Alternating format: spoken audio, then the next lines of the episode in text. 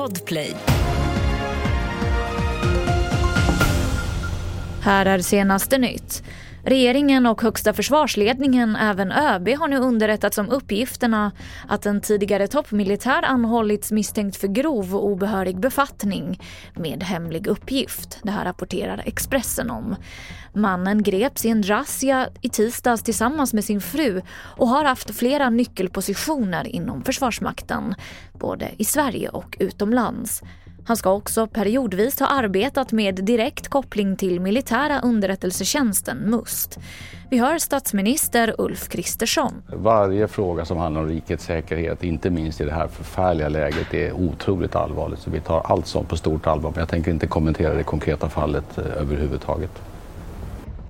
Utrikesdepartementet avråder från alla resor till Libanon på grund av utvecklingen i Mellanöstern. Tidigare gällde avrådan alla icke nödvändiga resor och den nya bedömningen gäller tills vidare.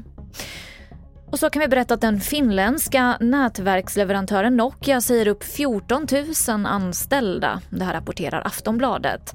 Den stora uppsägningen av personal bedöms dra ner Nokias kostnader med 4,6 miljarder kronor nästa år. Mer nyheter på tv4.se. Jag heter Emily Olsson.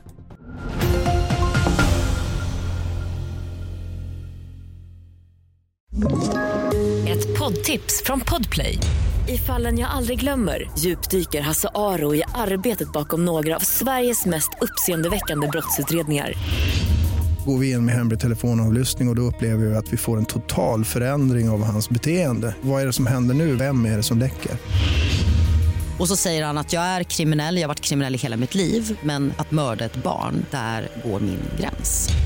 Nya säsongen av Fallen jag aldrig glömmer på Podplay.